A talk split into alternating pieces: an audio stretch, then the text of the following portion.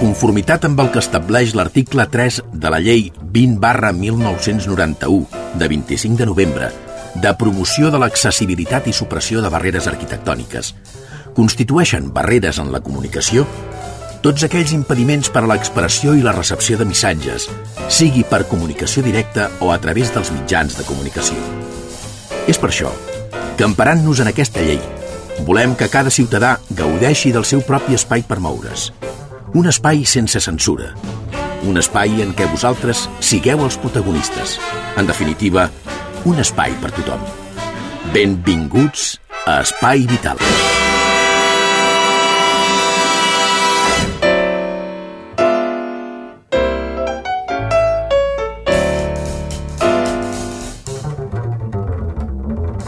Senyores i senyors, què tal com estan? Benvinguts, ben trobats, un dia més, una setmana més, a l'Espai Vital, aquest programa que parla de discapacitat i malalties cròniques. A més de ser mm, de solidaritat amb diverses persones que ens acompanyen avui a, a l'estudi. La més solidària de totes és la Teresa Diviu, que és la cuinera adaptada del programa. Senyors, té un ictus, només li va una mà i el cap. Ja n'hi ha prou, eh, Teresa? Bon dia. Bon dia, i la llengua. I la llengua, sí, perquè xerrar, xerrar, quantitat. Eh, també ens acompanyen avui a, als nostres estudis la Isabel Güell. Hola, bon dia. Bon dia. Isabel Güell és la presidenta de l'Associació de Fibromialgia i Fatiga Crònica de Ripollet. I per un altre costat, la Maribí Pelayo, que és la vocal, una de les vocals de l'associació. Hola, bon dia. Hola, bon dia. Molt bé, senyors, 3, 2, 1, comencem el programa d'avui.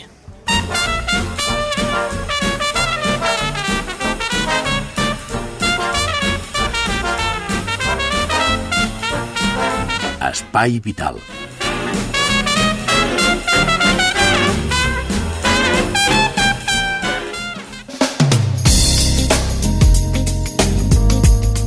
Doncs molt bé, tenint aquí a la Isabel Güell i a, a la Maribí, és, és important parlar de fibromialgia i fatiga crònica. Per què? Perquè el proper 12 de maig és el Dia Mundial de Fibromialgia i el síndrome de fatiga crònica.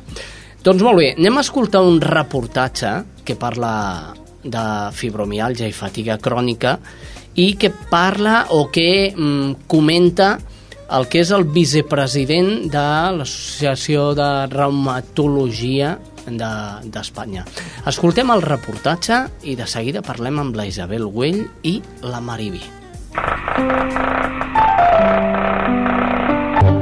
Puede pasar de repente, tras sufrir un trauma físico o emocional o por una infección que parece que no se cura. Es el desencadenante, el disparo.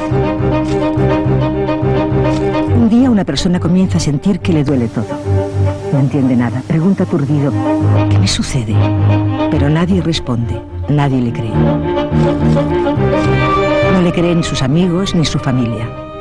No le creen en el trabajo se siente tan mal que rinde menos y esa persona que presumía de ser un gran trabajador está echado de vago.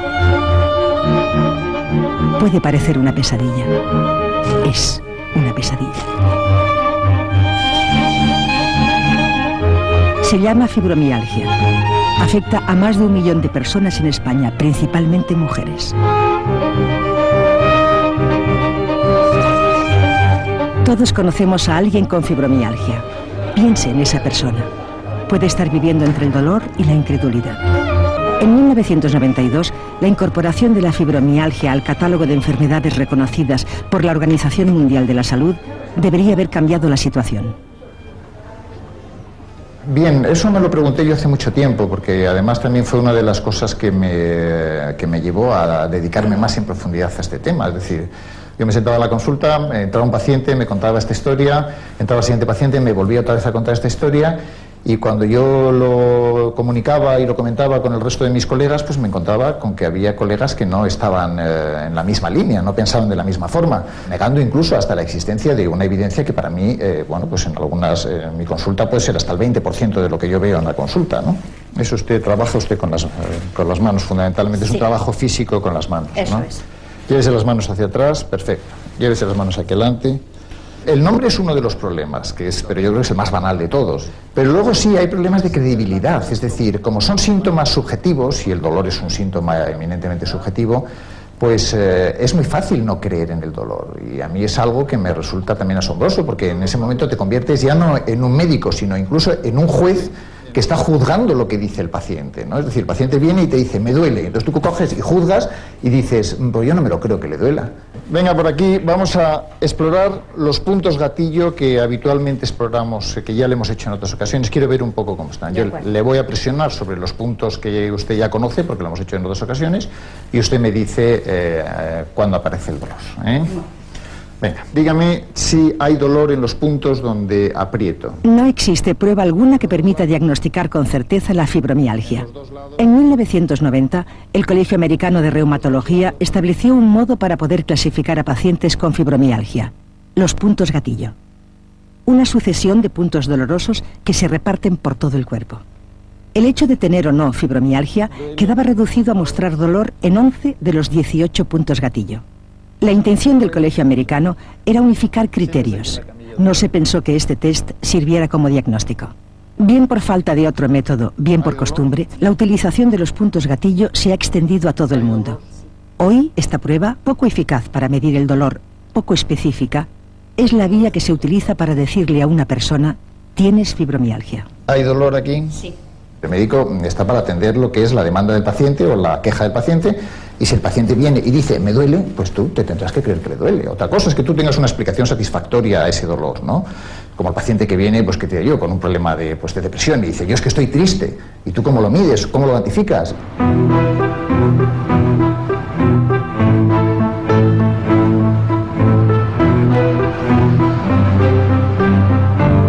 La búsqueda de un diagnóstico más certero es el objetivo de un proyecto que está realizando la Liga Europea contra el Reumatismo, conocida como Grupo EULAR. Con efectos secundarios provocados por la excesiva medicación, con enfermedades asociadas en otros, el reto actual es identificar qué síntomas son realmente de fibromialgia y cuáles no. La Sociedad Española de Reumatología ha permitido la grabación de una de las sesiones en la que participan directamente los propios pacientes. Ustedes están intentando definir los síntomas que definen la fibromialgia. ¿Es que no se conocen aún?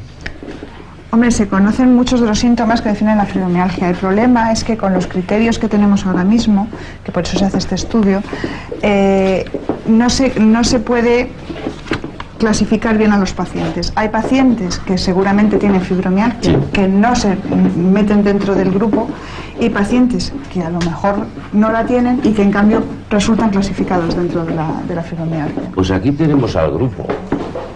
Me alegro de veros. La tarea de los pacientes es relatar de manera espontánea, abiertamente, los aspectos que mejor definen su enfermedad, cómo la viven ellos, qué sienten y cómo sienten sus síntomas. Además de dolor, las personas con fibromialgia hablan de fatiga intensa, alteración del sueño, depresión, ansiedad, lentitud mental, rigidez, cefaleas, hipersensibilidad al contacto, al simple roce. Todos vosotros padecéis fibromialgia o estáis diagnosticados de fibromialgia, pero yo en este momento lo que os pediría es que os olvidarais de vuestro diagnóstico, que os olvidarais de todo lo que os han dicho los médicos y me vierais solamente como si yo fuera una vecina, una amiga, alguien que mm, llegáis en este momento y le tenéis que contar eh, que os sentéis más mal y le tenéis que definir de la manera más, más, más específica posible todos vuestros síntomas, los síntomas físicos, los síntomas psicológicos, todos vuestros síntomas me los tenéis que contar de manera que yo pueda, sea capaz de entender cómo os sentís. Pues cualquier O sea, cosa eh, dime casa, cosas, por ejemplo. por ejemplo, en la cama, yo qué sé, mm, limpiar, eh, me siento muy cansada, a lo mejor mm, estoy haciendo, por ejemplo, en la cama y me siento porque me siento muy cansada. Dice que te levantas por la mañana, que te levantas y es que no te puedes ni levantar, te levantas y de la cama te caes o te... O sea, es que el perder el equilibrio es eso, que es que levantarte es que no tienes fuerza, entonces al no tener fuerza es que te caes, es que no te queda otra. Claro, si no estás también al día siguiente, es que no descansas ni de día ni de noche. Con lo cual, claro, estás cansadísimo. Noto que cuando habláis de, del dolor en distintas partes del cuerpo y describís diferentes tipos de dolor, incluso eh, en algunos casos en, en zonas como los dedos, las uñas, la boca, los ojos. ¿Sentís realmente dolor en partes tan poco típicas como, por ejemplo, la planta del pie? Sí, sí. Yo los brazos, sobre todo, lo que son los brazos y las ingles para abajo, las piernas. Yo, pues eh, empezando por las caderas, lo que es el tronco superior, sobre todo manos, no tengo movilidad en las manos y codos, hombros, cuello y una hipersensibilidad absoluta. O sea, de que me rozo con cualquier cosa y, y veo las estrellas. Llegamos a una, a una conclusión, tenemos días malos y días peores. Porque no es verdad, porque eh, hemos aprendido a convivir en un- con un umbral de dolor no, que no sé si el resto de las personas saben cómo es, pero es eso, es eh, convivir con el dolor. A lo largo de la historia, la medicina ha utilizado nombres como fibrositis, reumatismo de partes blandas, para intentar definir el dolor difuso que presentaban muchas mujeres que deambulaban de consulta en consulta con un eterno quejido. Incrédulos, la sociedad y no pocos médicos han bautizado internamente la fibromialgia como la enfermedad de mujeres nerviosas, de mujeres depresivas, que les duele hasta el aire que respiran, que se quejan por todo y que no les sucede nada.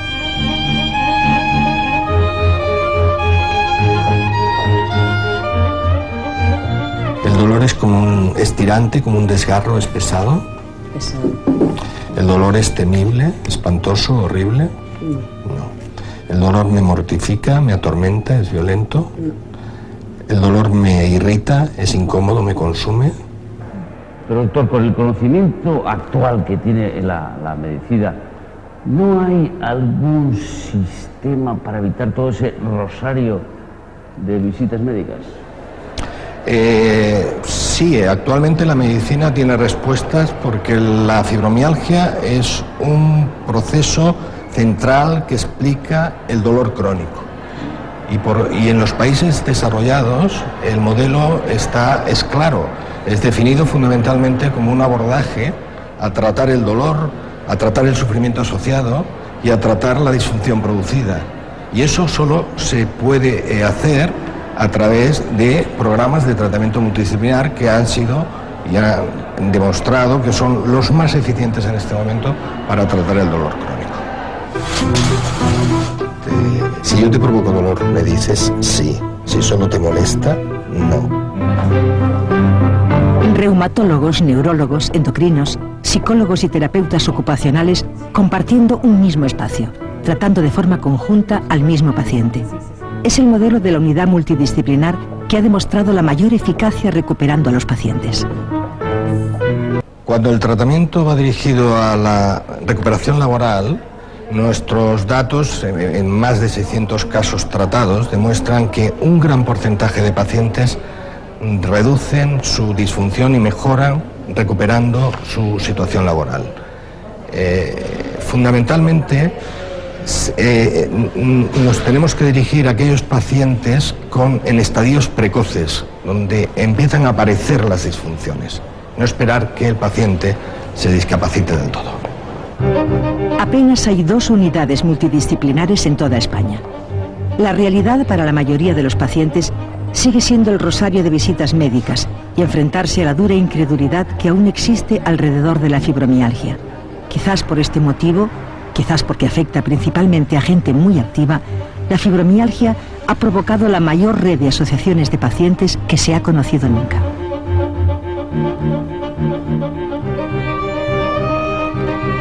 Asociaciones que crean atmósfera para el reconocimiento mutuo, la empatía, poder compartir. Afecta a un 3% de la población, no importa la edad. Puede aparecer en cualquier momento de la vida, en cualquier persona, de cualquier profesión. Se llama fibromialgia. Y a pesar de la falta de tratamientos, del dolor crónico, la lucha de los pacientes, la petición más urgente es que sea por fin una enfermedad por todos reconocida.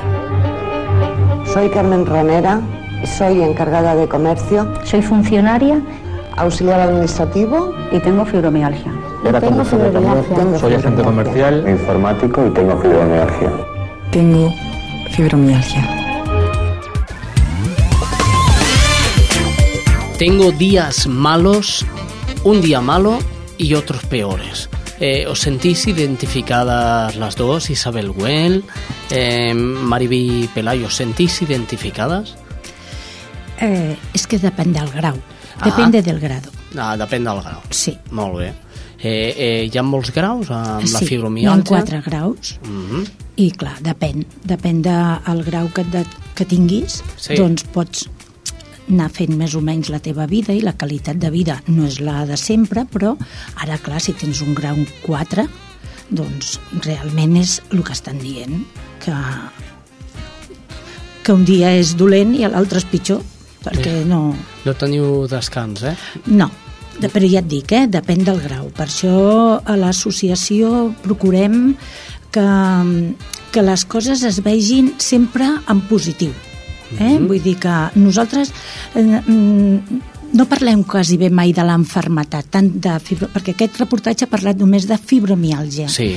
N'hi ha el síndrome de la fatiga crònica, que n'hi ha persones que tenen el síndrome en el qual pateixen febre cada dia, dol- un cansament horrorós cada dia, a la que fan una cosa després, encara que es posin al llit, encara que descansin 24 hores, aquell cansament continua, i llavors nosaltres a l'associació el que pretenem és, ja que mm, mèdicament nosaltres no ens hi posem en absolut, però sí psicològicament intentem ajudar a fent, doncs, com ara farem el dia 12, doncs, conferències i fent coses perquè la, la persona tingui una autoestima més alta, perquè la persona se senti que, que no és res, sinó que continua dins d'aquest cos que està adolorit i que aquest cos que està malament, que ja no està com abans, continua estant el jo, el jo que sempre he sigut.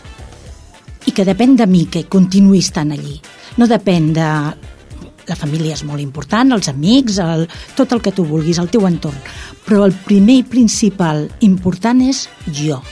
Un mateix. Exactament. Eh? Un mateix. Això t'ho pot dir la Maribí, que ella és infermera de professió Sí. i que fa poc temps va arribar a la nostra associació i, i bueno, pues, clar, mm, Y te has dejado liar, Mariby. Bueno, yo quizás por mi experiencia profesional, es decir, yo misma he padecido la enfermedad, la mía fue de una evolución lenta y por mi propia experiencia, pues no sé, pensé que aparte llegué en un momento mal, ¿no? Es decir, mi enfermedad fue evolucionando, yo llegué a la asociación pues con un estado de ánimo bastante, había sufrido una crisis de ansiedad, había sufrido, bueno, me habían catalogado de que tenía una depresión. Y bueno, yo lo que sí quería quizás remarcar, yendo en la línea que ella ha dicho, es que si bien solamente se ha hablado de la fibromialgia, en la asociación no solamente hay personas afectadas de la fibromialgia, sino que tenemos personas con fibromialgia, con síndrome de fatiga crónica y con síndrome de sensibilidad química, que en muchos casos padecen o dos o incluso las tres, es decir, que puede haber personas con fibromialgia, sensibilidad, fatiga crónica, en fin, que no solamente y, bueno, entonces yo a través de mi propia experiencia, yo lo que sí creo que le diría a las personas que nos están escuchando, que, que están diagnosticadas de estas enfermedades, que lo puedan sospechar o que conocen a, tienen familiares o conocidos, es que a pesar de que son enfermedades crónicas que no se conoce ningún tratamiento que vaya a haber. Es decir, una vez que te diagnostican, eh, es una enfermedad crónica y solamente se habla a veces sobre un 5% de que podría haber una involución de las enfermedades estas. ¿Podemos hablar de degenerativo?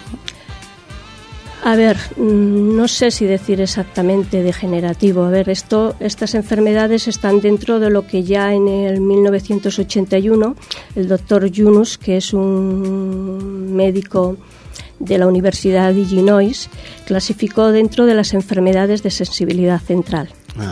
Es decir, que son, somos personas que tenemos una hipersensibilidad eh, a nivel neurológico, por decirlo, del sistema nervioso central, ¿no?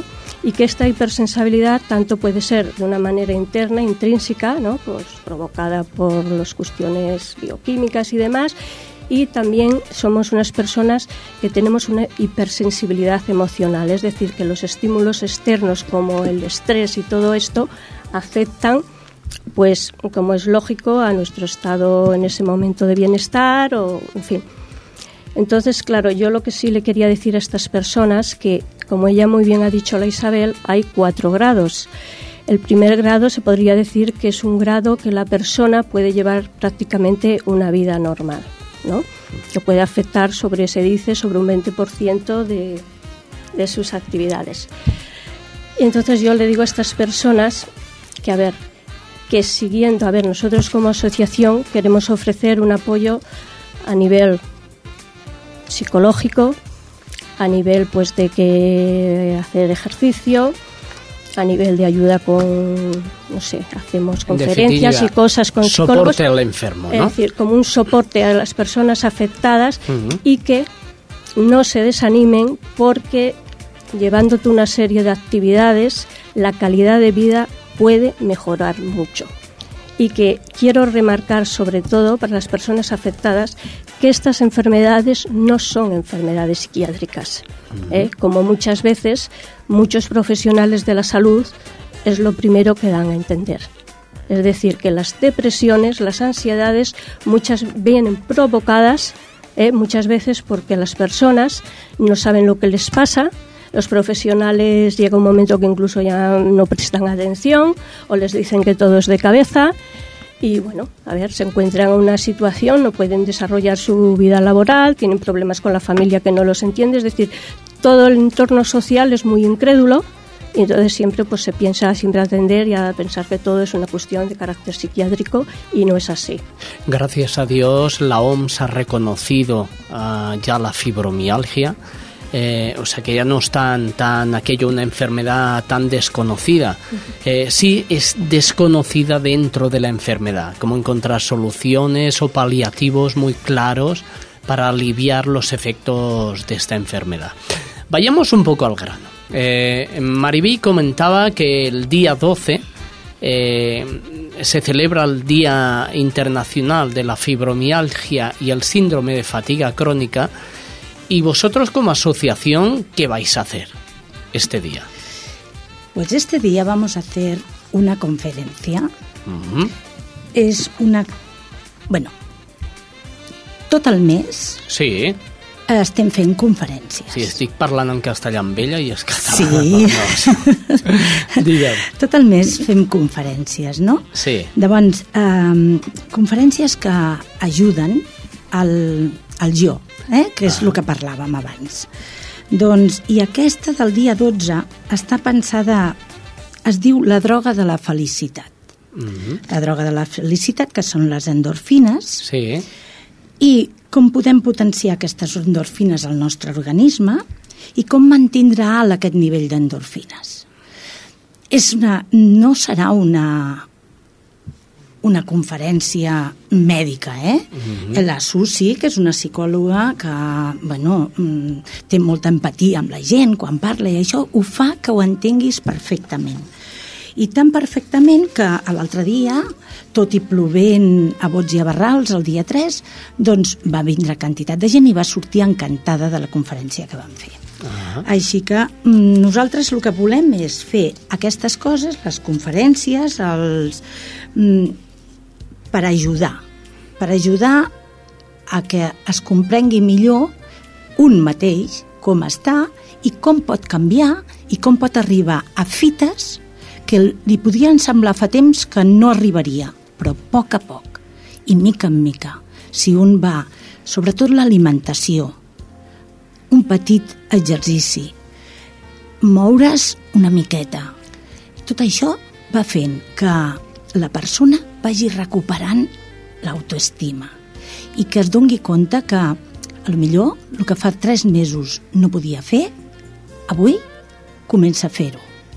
Però es té de fer molt a poc a poc i sempre sent conscients de que un gran esforç, un estrès, un alterament d'alguna situació difícil, ens pot tirar un pas enrere, però sempre tenim que tindre present que la fita està on nosaltres l'hem posat. I tot això eh, es dirà, si més no, a la conferència Exactament, que i s'ampliarà. Molt I s'ampliarà. Molt bé, prepareu una taula fora al carrer com heu fet molts cops, molts anys, o no, No. prepareu res? No, perquè amb aquest mes de maig que està sent tan, tan ximple de, Sí, de pluja, ara plou, ara fa calor, Però a ara- més que quan plou, plou. Sembla Sí. que a les 6 de la tarda li dona per posar-se núvols i ploure. Ah, és que ja ho diuen pel maig, cada Que dia un raig. raig. Digues que sí, noia. Eh, La Teresa, la Teresa té, té tota la raó. Doncs eh, no, però sí que estarem a dintre del centre cultural Mm. i llavors a dintre del centre cultural don donarem mm, propaganda Informació. i informació, exactament, Informació. informació. Estem no a la sala d'actes, a la sala primera que està en el pis primer. Ah, molt bé, Mm? molt bé. Molt bé, i a part teniu ascensor per si I tant, vol pujar la i Teresa. tant, i eh? tant. Que Sí, no, ja hi ha pujat jo. És a portes obertes, eh? A portes obertes. A portes obertes. Pot vindre qui vulgui. Doncs molt bé, que quedeu convidats tots a la conferència que es farà quin dia? El, dia, 12. A quina hora? A les 6 de la tarda. Molt bé, i aquí al Centre Cultural Maribí, Maribí Pelayo, que cada cop que dic Maribí haig de mirar el cognom perquè... Eh, Isabel Güell, eh, gràcies a les dues per haver Molt vingut bé, avui a a l'Espai. Vital i molts ànims. Sí. Perquè Sí, aquest sí. dia sí, Aquest no. sea total. Sí, eh? el sol reull... Bueno, sortirà esplèndid aquest dia. Do- Moltes gràcies per convidar-nos i, bueno, i també que la gent que vulgui posar-se en contacte amb nosaltres o vulgui informació o qualsevol que estem els dimecres Sí. aquí al Casal uh, de, de 18 Sis de, de la 6, tarda. de 6 de la tarda a les 8 Sí. es poden posar en contacte amb nosaltres eh, persones afectades i també familiars que no saben a vegades molt bé com, com gestionar tot això. Doncs molt bé, Maribí Pelayo, Isabel Güell, gràcies a les dues per haver assistit avui aquí a l'Espai Vital. Gràcies a tu, Xavi.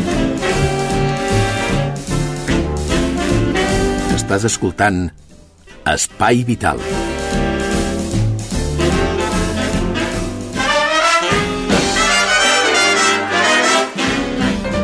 Doncs ja ho senten, sintonia corresponsals. Anem a fer la roda informativa per conèixer quines són les últimes novetats aparegudes a la sanitat pública i ho pregunteu a totes i cada una de les poblacions que coprodueixen Espai Vital. Comencem per Ripollet o per Cerdanyola? Per Cerdanyola, sí. A Cerdanyola es troba la eh, nostra companya Rosa Morante, que ens explica doncs, això. Hola Xavi, avui des de Cerdanyola Ràdio us expliquem que la delegació de Cerdanyola-Ripollet de l'Associació Catalana del Parkinson presentava la setmana passada una conferència on es va parlar del Parkinson i de la malaltia de la paràlisi supranuclear progressiva, també coneguda com a PSP.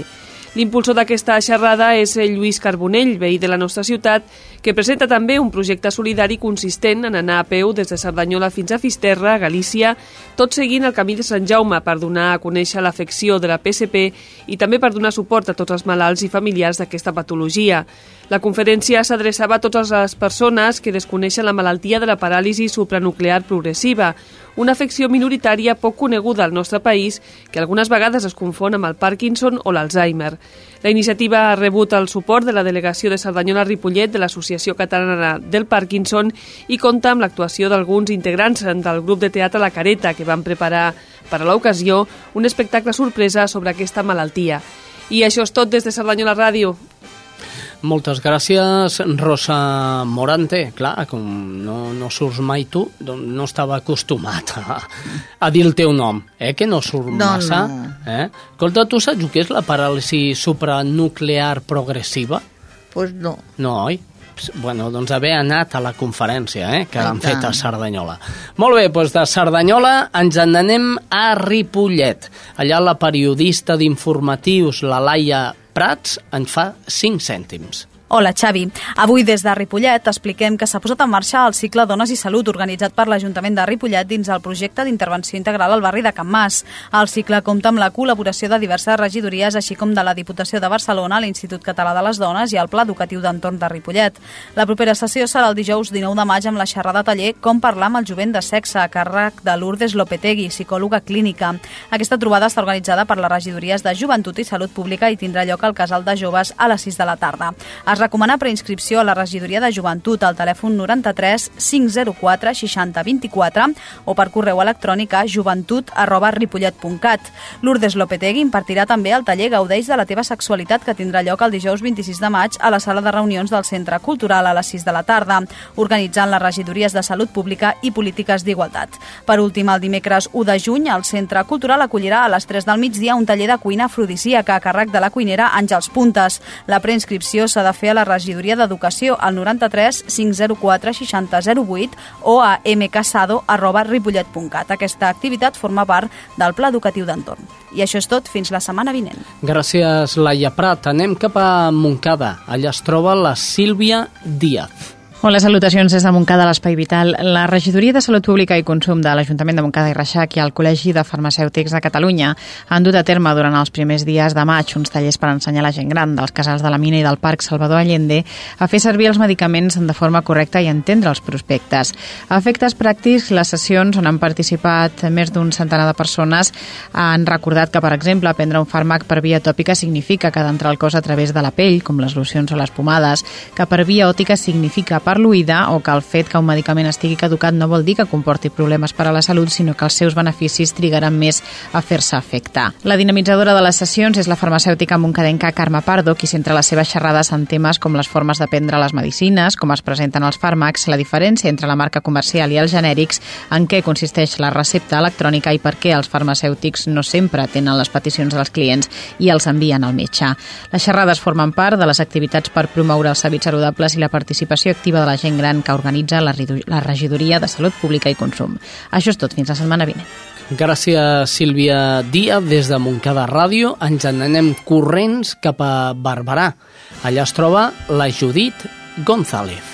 Salutacions des de Ràdio Barberà. La Junta Local de Barberà del Vallès de l'Associació Espanyola contra el Càncer va recollir més de 6.300 euros a la col·lecta que va dur a terme el passat cap de setmana. Durant tres dies, la Junta Local de Barberà del Vallès de l'Associació Espanyola contra el Càncer va instal·lar diverses paradetes al Mercat Municipal 11 de setembre, al Centre Comercial Baricentro i a la plaça de la Vila per tal de recollir diners per col·laborar i continuar lluitant contra la malaltia. Des de la Junta Local es valora de forma molt positiva aquesta resposta per part dels barbarencs i barbarenques. A més, l'entitat agraeix el treball any rere any dels voluntaris que participen de forma altruista. Aquests diners es destinaran al desenvolupament de programes d'ajuda psicològica i de suports als malalts i malaltes de càncer i familiars, així com a la investigació de la malaltia, entre d'altres activitats en què l'associació està participant.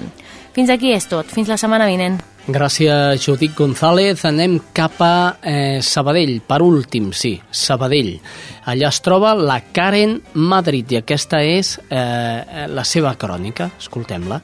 Salutacions des de Sabadell. Intentar educar els adolescents perquè canalitzar els seus sentiments i habilitats els sigui més fàcil. Aquest és l'objectiu de les colònies emocionals de la Fundació per l'Educació, en què participen una cinquantena d'alumnes de primer d'ESO de l'Escola del Carme de Sabadell. Durant dos dies, els estudiants fan diverses activitats pràctiques, sobretot esportives, lúdiques i d'aventures, per aprendre a viure millor a nivell emocional. Segons els coordinadors del projecte, sempre s'acaba aconseguint que els alumnes se sentin més cohesionats com a grup i s'entenguin molt millor entre ells. Alhora, estan més preparats per fer front als seus reptes i per superar les pèrdues. Aquestes colònies emocionals es fan a la Granja Escola que la Fundació per l'Educació té a Santa Maria de Palautordera, al Vallès Oriental. És tot des de Sabadell.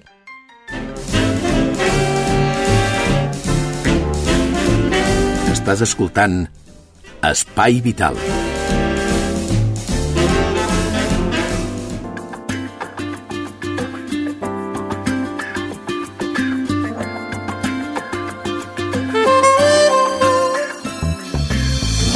Ja ha arribat el moment, Teresa. Pues som-hi. O sigui, què tindrem de menjar? Pues mongeta tendra. Mongeta tendra de la iaia Teresa. Toma doncs ja. escolteu-lo perquè està, està... És una mongeta tendra per aquells que encara no els hi acaba de fer pes. la verdura. Eh? Això. Una manera més de menjar sa i català, en diria català, jo. Eh? això mateix. Molt bé, arribat a aquest punt, anem a escoltar l'informatiu que eh, la Creu Roja Cerdanyola Ripollet Montcada en fa un cop al mes aquí a l'Espai Vital. Escolteu-lo perquè és força interessant.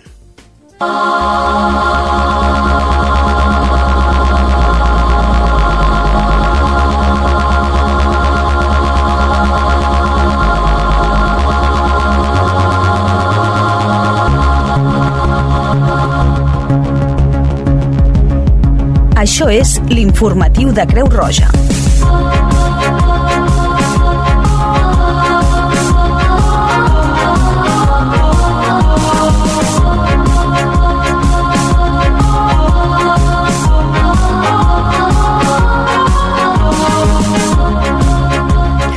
Un saludo cordial para todos los oyentes de Spy Vital. Vamos a empezar con las noticias del ámbito local. Ha terminado la gran campaña telefónica para captación de socios.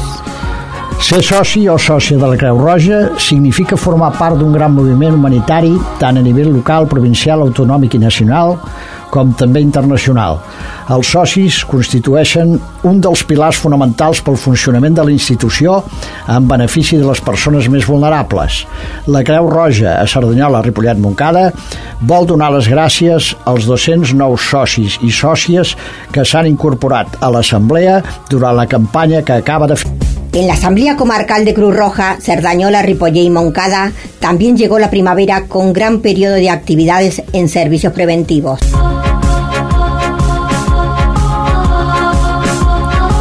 ...45 voluntarios de la Asamblea han participado el pasado fin de semana en diversos actos deportivos, culturales y sociales celebrados en los tres municipios. El voluntariado ha participado en la fiesta mayor de Rusé de Meix de Cerdañola, el día 29 de abril en la fiesta infantil que se celebró en la Plaza Abad Oliva de Cerdañola del Vallés, organizada por los Splice con la colaboración del Ayuntamiento.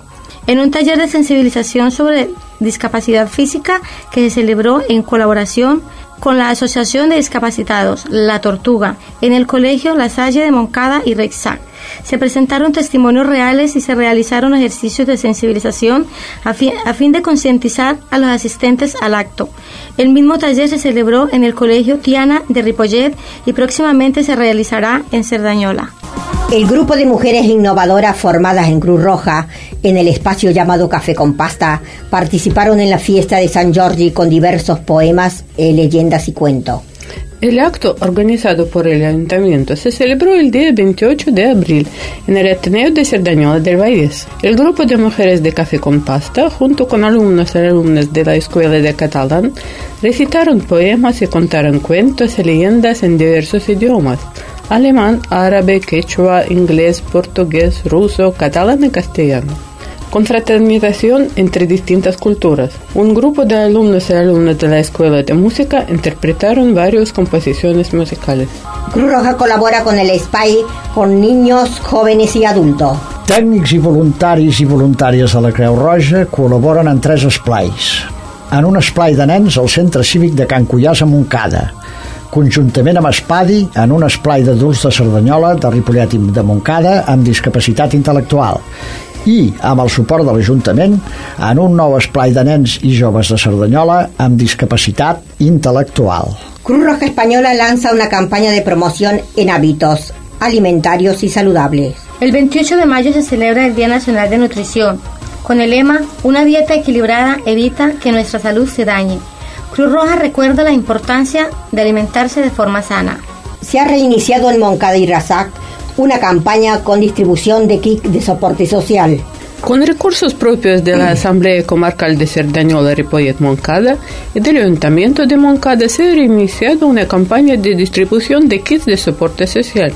En este momento tenemos 10 kits de la canasta familiar, alimentos para las personas mayores, higiene masculina, higiene femenina, higiene de bebé, limpieza del hogar.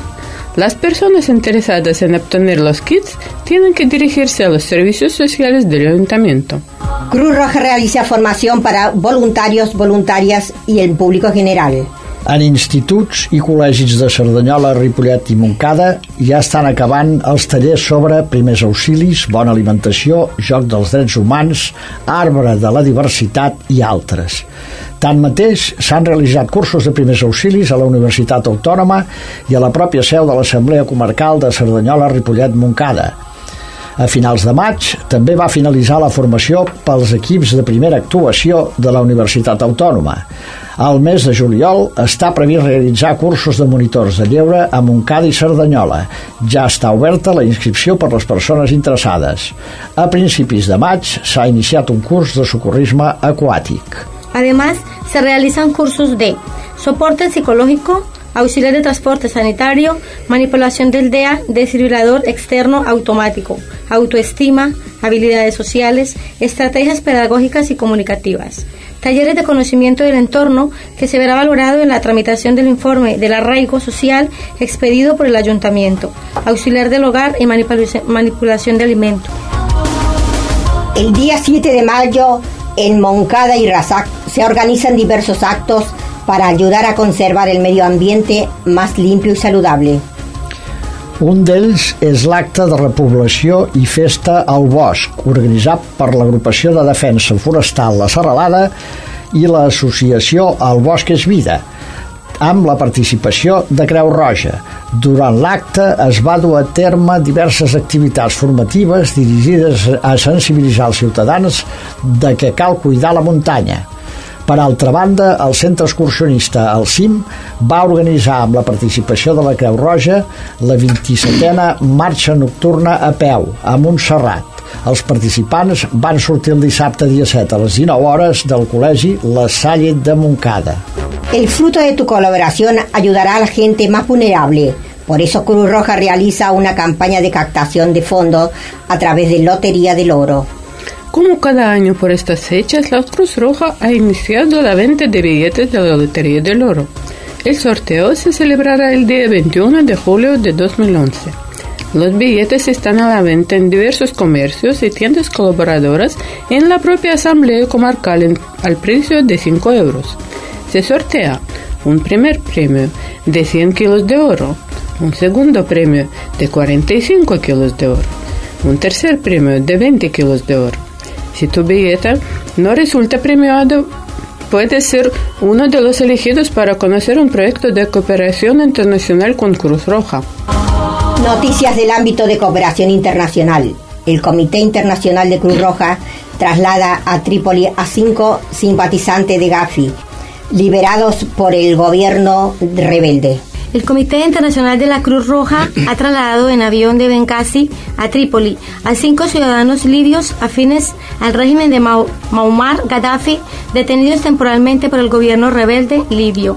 El Consejo Nacional de Transición, luego puestos en libertad. Dado que no tenían familiares de Benghazi, era importante facilitar el regreso a sus respectivas familias en Trípoli, declaró el delegado del Comité Internacional de Cruz Roja, Samuel Emonet encargado de las actividades en favor de los detenidos en el país. El día 8 de mayo se celebra el Día Mundial de Cruz Roja y Media Luna Roja. El Día Mundial de la Cruz Roja se celebra en todo el mundo el 8 de mayo desde 1948. Se escogió esta fecha en conmemoración del nacimiento en Ginebra de Henri Dunant, el fundador de la Cruz Roja, una organización humanitaria de casi 150 años y que actualmente está implantada en 168 de los 194 estados soberanos del mundo. Es un día señalado para la Cruz Roja Internacional y por eso se organiza todo el mundo diversos actos conmemorativos. Pero para los miembros de la Cruz Roja también es una jornada de reflexión por la labor que aún queda por hacer frente al desolador panorama de miseria y necesidad que sigue afectando a la buena parte de la población mundial. Los días 25, 26 y 27 de marzo tuvo lugar en Madrid la séptima Asamblea General de Cruz Roja Española. L'Assemblea General es convoca cada 4 anys. L'Assemblea va aprovar el, els informes de la gestió anterior i va elegir democràticament el nou Comitè Nacional i el President Nacional, que dirigirà la institució durant els propers 4 anys. Així mateix, es va escollir els membres de la nova Comissió de Garanties de Drets i Deures, com també els membres de la nova Comissió Nacional de Finances. Durant l'Assemblea també es va elaborar els documents definitius que són la base del pla d'acció que seguirà la Creu Roja Espanyola durant els pròxims 4 anys. A l'Assemblea hi va participar com a vocal un membre de la Creu Roja de Cerdanyola Ripollet Moncada. Gracias por acompañarnos una vez más. Las personas que desean contactarse pueden hacerlo por el email información.cerdañola a creusroja.org o al teléfono 93 691 61 61.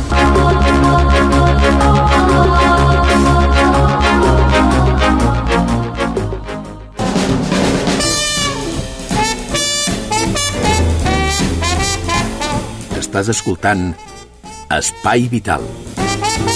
I l'estómac ja en comença a fer rum, rum, rum, rum, rum, rum, perquè avui eh, la Teresa Diviu ens porta eh, mongeta tendra de la Teresa, de, de la, iaia Teresa. Ja, eh? sí, va. És diferent, una altra manera de, de, de menjar-la.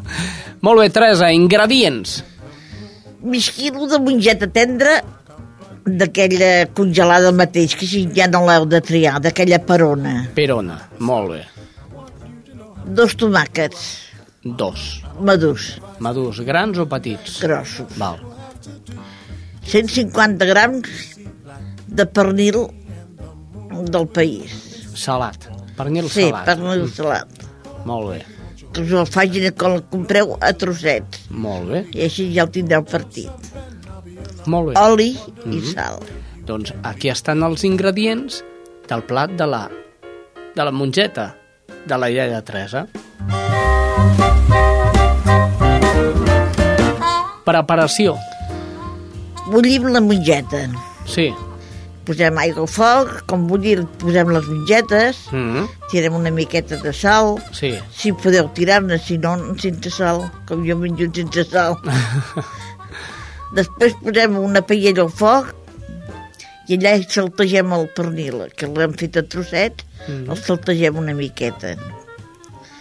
Com el saltejat el passat per allà una miqueta, el poseu un plat i allà hi poseu una miqueta d'oli i poseu el tomàquet ratllat allà. Molt bé. Que es vagi fent en mica en mica, no el fregiu massa. Val. I també havia deixat un ou dur. Un ou dur. Heu de fer un ou dur, sí. Ah, bueno. Doncs va, tirem enrere eh, ingredients i a més ou dur. Ja Ou està. dur. Això mateix. Escorreu les mongetes ben escorregudes. I quan tingueu el tomàquet ja fre... mig fregit allò, putxat, Sí, i tireu les mongetes allà, sí. escorregudes. El pernil que heu fregit també allà dintre. I l'ou dur el talleu a trossets també allà dintre. Molt bé. doneu unes voltes i ja està. En cas, en el tomàquet mitjà una altra, una altra cosa. Com fregiu el tomàquet Mm. i tireu un polset de sucre, perquè així et mata l'acidesa del tomàquet. Ah, això és un truquet. Eh, El truc de l'almendruc Del de, la, mandruc. de la Teresa, Sí. de la Teresa Diviu.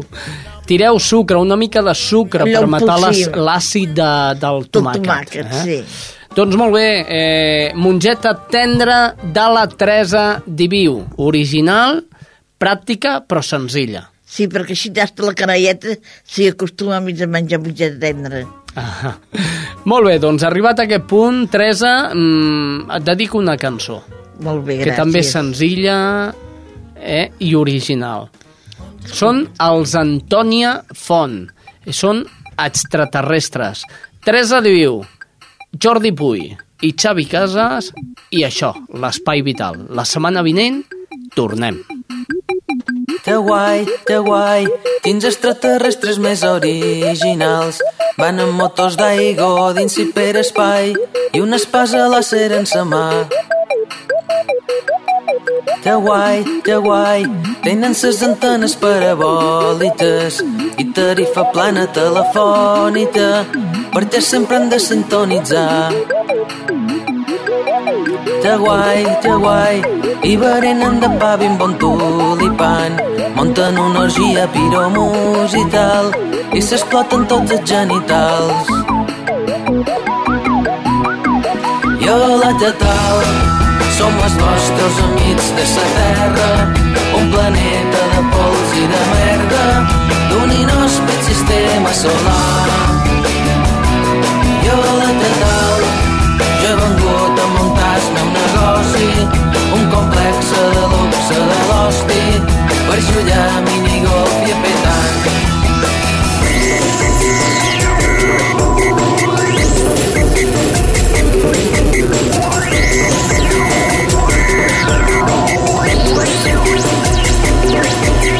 Guai, que guai, quins extraterrestres més originals. Van amb motos d'aigua dins hiperespai i una espasa láser en sa mà. Que guai, que guai, tots en flautes, tots en flaut. El seu bioritme et sembla discodants i una aspiradora és el seu nas. Jo la Tetal, som els vostres amics de la Terra, un planeta de pols i de merda, d'un inhòspit sistema solar. Jo la Tetal, jo he vengut a muntar el meu negoci, un complex de luxe de l'hosti, per jugar minigolf i a petant. Jo la Tetal, som els vostres amics de la Terra, un planeta de pols la merda d'un inhòspit sistema solar. Jo l'estatal, jo he vengut a muntar-me un negoci, un complex de luxe de l'hòstia, per jullar minigolf i apretant